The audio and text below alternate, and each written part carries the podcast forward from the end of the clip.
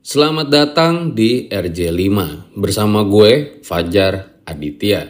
Sebelum dimulai, gue mau ngasih tahu kalau nggak cuma gue, tapi lo juga bisa bikin podcast. Mulai dari rekaman, edit suara, tambah lagu, sampai bisa lo lakuin sendiri dengan platform Anchor.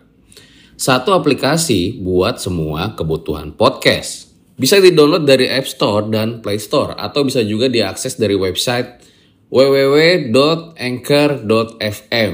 Gak cuma buat, tapi lo juga bisa langsung share dan publish hasil rekaman lo ke Apple Podcast, Spotify, Stitcher, dan lain-lain dari Anchor ini. Yang paling penting, Anchor ini gratis.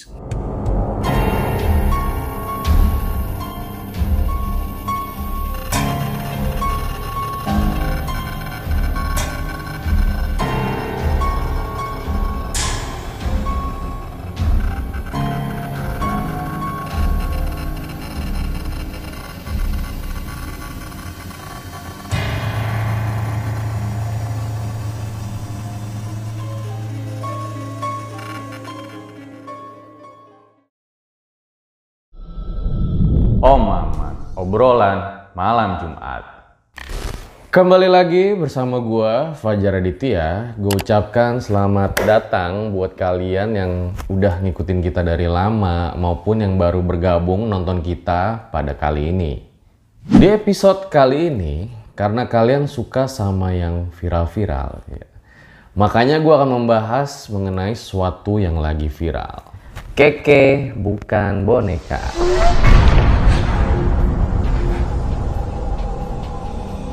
Bukan, bukan. Jadi di episode kali ini gue akan membahas mengenai salah satu cerita yang cukup viral di Twitter yang diceritakan oleh Cinta Kirana yang berjudul Ibu, yang dikubur itu bukan aku. Jadi cerita ini sendiri ternyata sampai dengan saat ini telah mendapatkan likes lebih dari 11.000. Wow, Gue ucapkan terima kasih buat Cinta yang telah mengizinkan kita membacakan cerita di tweet Twitternya. Mungkin lain kali kita bisa collab secara langsung. Sebelum gue lanjutkan, jangan lupa buat kalian untuk menonton video kita sebelumnya, yaitu cerita horor di kota Saranjana. So langsung saja, berikut adalah ceritanya.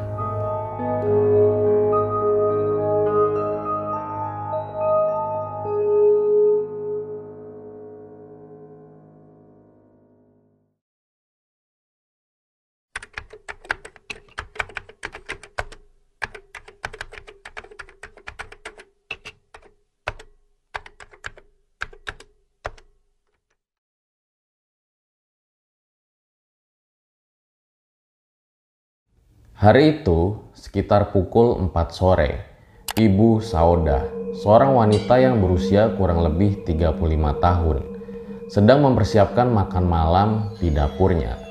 Saat Ibu Sauda sedang memasak, anaknya Asep, yang saat itu duduk di kelas 4 SD, meminta izin kepada ibunya untuk bermain bersama teman-temannya. Sepulang sekolah, memang biasanya Asep bermain bola ataupun permainan lainnya dengan tetangga-tetangga di lapangan kosong di pinggir desa.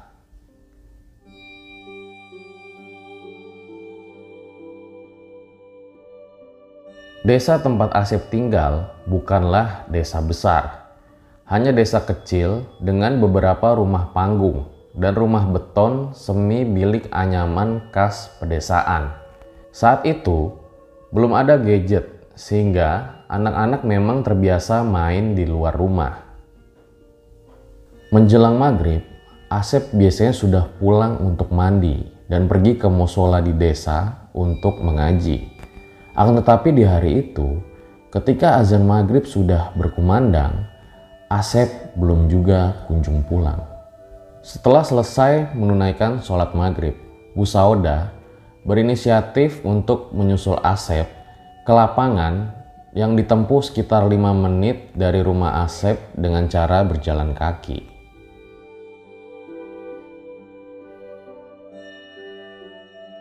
Terkadang ada hari-hari di mana anak-anak pulang sampai lewat maghrib dan baru pulang ketika mereka dimarahi oleh orang tuanya. Maklumlah, namanya anak-anak yang sedang kasihkan bermain terkadang sampai lupa waktu. Tiba di lapangan, Bu Sauda tidak mendapati satu orang pun di sana. Ke mana Asep pergi? Batinnya.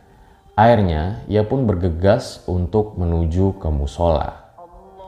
Alunan solawat pun terdengar ketika Bu Saudah mendekati musola. Dicarinya Asep di antara teman sebayanya yang sedang mengaji. Tapi tidak ada Asep di sana. Pak Ustadz Sofyan yang menyadari kehadiran Bu Sauda langsung menghampirinya dan bertanya. Cari siapa bu? Tanya Pak Ustadz. Asep datang ke musola tidak ya pak? Tanya Bu Sauda dengan suara yang bergetar. Tidak bu, dari tadi Asep tidak ke sini, jawab Pak Ustadz. Pak Ustadz pun membantu Bu Sauda untuk menanyakan Asep kepada murid-muridnya.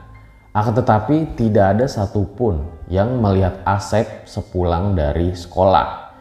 Bu Sauda pun mulai semakin panik dan akhirnya Pak Ustadz membantu Bu Sauda untuk pergi ke Pak RT untuk mencarikan Asep.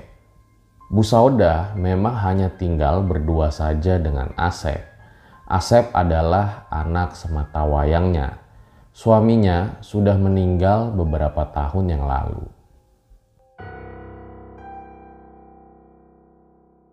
Setibanya di rumah Pak RT, mereka dipersilahkan untuk masuk dan menjelaskan kejadian yang terjadi. Ternyata Pak RT menyebutkan bahwa Asep sempat datang ke rumahnya untuk meminta izin mengambil beberapa buah mangga di halamannya.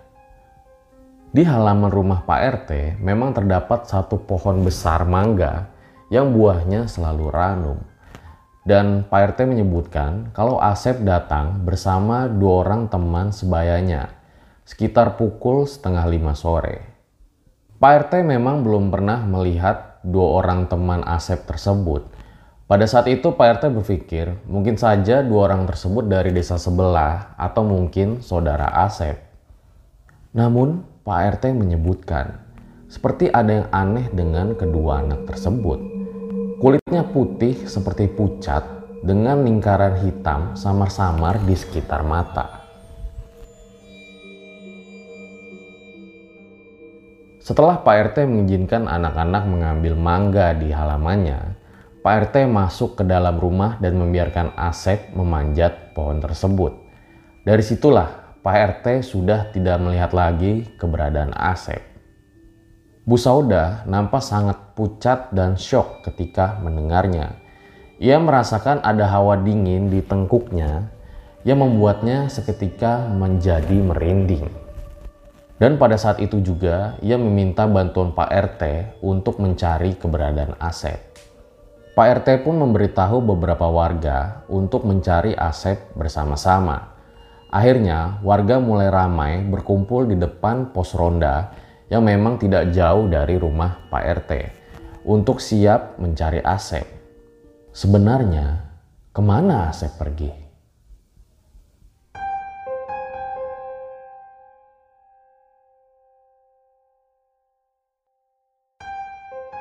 Asep Ke mana kamu nak? Setelah sudah siap, warga pergi membawa senter dan juga kentongan. Menyisir desa sambil memanggil-manggil nama Asep. Asep, Asep.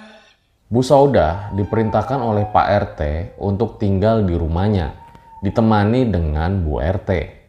Malam semakin larut, Bu Sauda semakin kalut.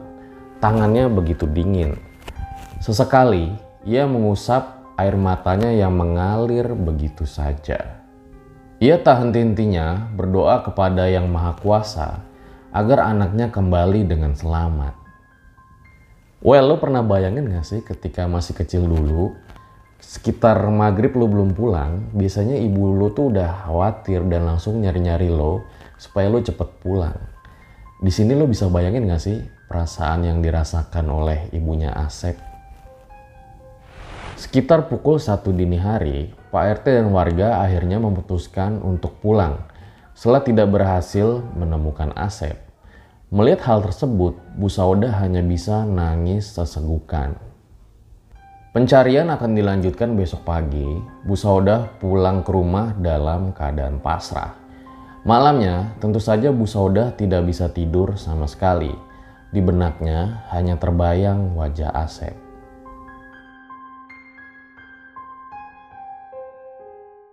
Hai, sebelum kita lanjut, kenalan dulu yuk sama partner misteri gua. Namanya Anchor. Anchor ini adalah all-in-one podcast editing platform yang membuat gue lebih mudah untuk rekaman, edit suara, tambah lagu, dan segala hal dalam pembuatan podcast yang sedang kamu dengerin kali ini. Anchor bisa membantu kamu bikin podcast kamu sendiri. Caranya tinggal download dari App Store dan Play Store atau bisa juga diakses di www.anchor.fm. Jadi buruan download Anchor sekarang. Pencarian akan dilanjutkan besok pagi. Bu Sauda pulang ke rumah dalam keadaan pasrah. Tentu saja Bu Sauda tidak bisa tidur sama sekali. Di benaknya hanya terbayang wajah Asep. Pagi pun datang, beberapa orang membantu Pak RT untuk mencari Asep. Tapi warga yang datang tidak sebanyak tadi malam karena sisanya harus pergi untuk bekerja. Salah satu warga mengusulkan kepada Pak RT untuk mendatangi Mbak Anom yang merupakan salah satu yang dituakan dari desa sebelah untuk membantu proses pencarian Asep. Pak RT pun pergi dengan salah satu warga ke rumah Mbak Anom.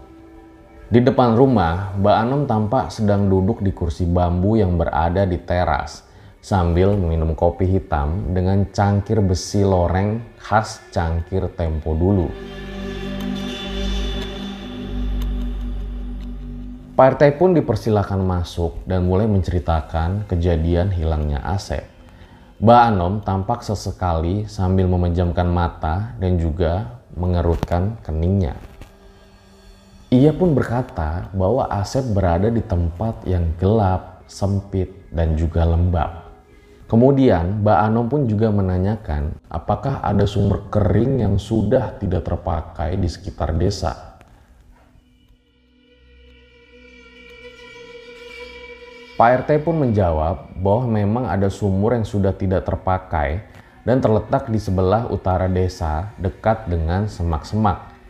Setelah mendapat informasi itu, Pak RT langsung melesatkan motornya dan memberitahu warga untuk mencari di sumur tersebut. Betapa mengejutkannya warga ketika memang benar ada Asep di dalam sumur tersebut dan sedang meringkuk di dasar sumur.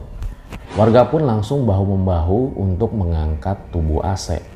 Tubuhnya pucat dan sangat dingin dan bahkan tidak ada aliran darah yang mengalir sama sekali. Bu Saudah yang mengetahui hal tersebut langsung menerobos kerumunan warga dan langsung terpaku menatap anaknya yang telah tiada. Ia pun menangis histeris sambil memeluk Asep. Warga yang menyaksikan kejadian tersebut juga turut dalam kesedihan.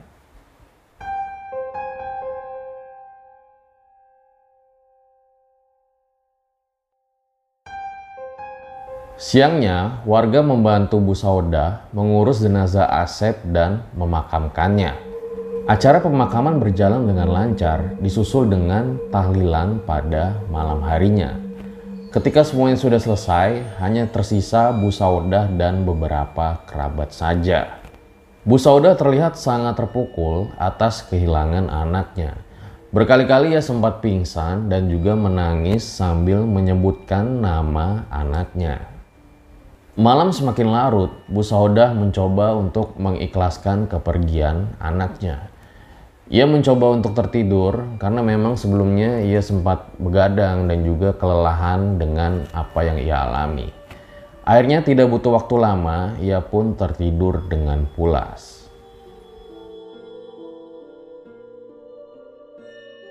Akan tetapi, dalam tidurnya ia bermimpi. Ia didatangi oleh Asep yang mengenakan baju dan celana persis dengan yang terakhir ia kenakan sebelumnya. Asep berkata, Ibu, aku takut. Dengan suaranya yang cukup gemetar. Di mimpinya, Ibu Saudah tidak bisa melakukan apa-apa. Ia hanya bisa menyaksikan Asep tanpa bisa memeluknya yang sedang ketakutan. Ibu, aku di sini. Yang dikubur itu bukan aku. Tolong, Ibu, ucap Asep dalam mimpi tersebut. Bu Saudah lalu tercekat, terbangun dari tidurnya dengan peluh yang membasahi seluruh tubuhnya. Jantungnya berdegup dengan sangat cepat. Tangisnya berderai lagi. Ia beristighfar berkali-kali mengingat kejadian yang baru dimimpikannya. Dilirik jam dinding di kamarnya, ternyata waktu sudah menunjukkan pukul subuh. Ia pun berusaha untuk menenangkan diri dan segera mengambil air wudhu.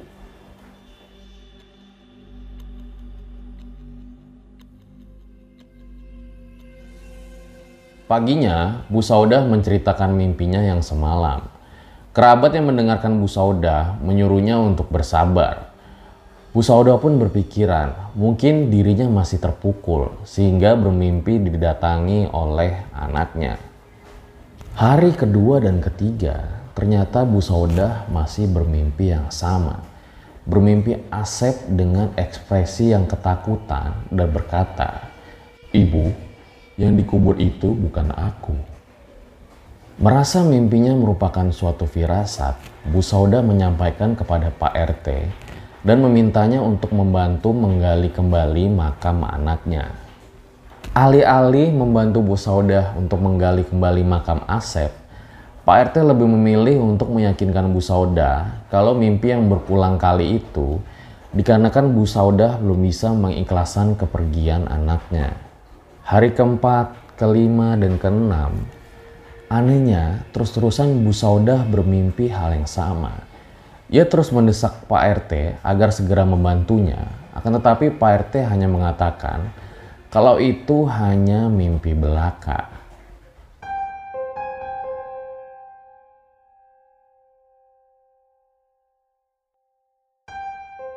Hari ketujuh, Bu Sauda tidak sanggup lagi melihat anaknya yang ketakutan di dalam mimpi.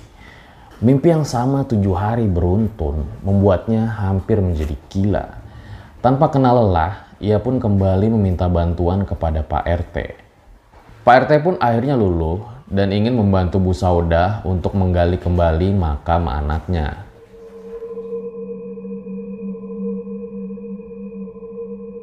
Sejujurnya, selain karena iba dan tidak tega melihat Bu Sauda yang semakin hari semakin terpuruk dengan kesedihannya, di dalam batin Pak RT pun ia penasaran dengan apa yang terjadi jika makam itu digali kembali. Siang itu, Bu Sauda, dua orang kerabatnya, Pak RT dan Bu RT, serta dua orang penggali kubur datang ke makam Asep. Makamnya memang tampak masih baru dengan taburan bunga yang sudah mengering di atasnya. Setelah dipersilahkan oleh Bu Sauda, dua orang penggali kubur pun mulai menggali. Bu Sauda berusaha setegar mungkin menahan air matanya. Dalam hatinya ia tidak menyangka bahwa makam anaknya digali kembali. Beberapa menit digali, kain kafan Asep mulai terlihat. Kedua penggali pun memperlambat penggaliannya, tidak ingin merusak kain kafan Asep. Setelah selesai menggali, kedua penggali tersebut merasa heran dengan bentukan kain kafan yang membungkus Asep. Tapi mereka tidak berkomentar apa-apa dan lanjut untuk mengeluarkan jenazah Asep dibantu oleh Pak RT serta dua orang kerabat dari Bu Sawedah. Jenazah diletakkan di samping lubang kubur yang terbuka. Bu Sauda menahan sesegukan tangisnya dengan kedua tangan yang menutupi mulutnya. Semua yang ada di situ merasa heran dengan bungkusan kain kafan Asep yang terlihat lurus dan sangat kaku. Pak RT dan salah satu kerabat Bu Sauda mulai membersihkan wajah jenazah Asep yang ditutupi oleh tanah. Mereka pun terheran-heran dan membuka dengan cepat tali pengikat dan kafan yang membalut jenazah Asep. Betapa terkejutnya semua orang ketika melihat apa yang ada di dalam kain kafan tersebut bukanlah jenazah Asep, melainkan batang pohon pisang yang dipotong setinggi tubuh Asep. Melihat hal tersebut, Bu Sauda langsung lemas dan pingsan seketika. Kejadian ini tersebar dengan cepat ke seluruh penjuru desa, bahkan juga sampai ke desa-desa lainnya.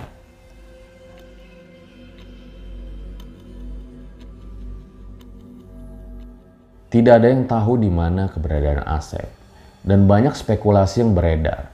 Salah satunya mengatakan kalau Asep dijadikan tumbal pesugihan.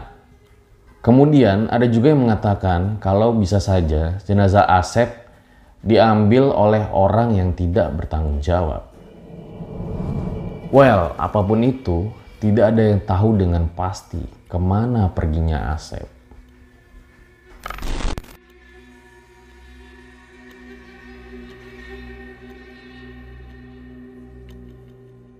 Well itu dia guys cerita yang diceritakan dalam Twitter Cinta Kirana. Sangat luar biasa sekali ceritanya.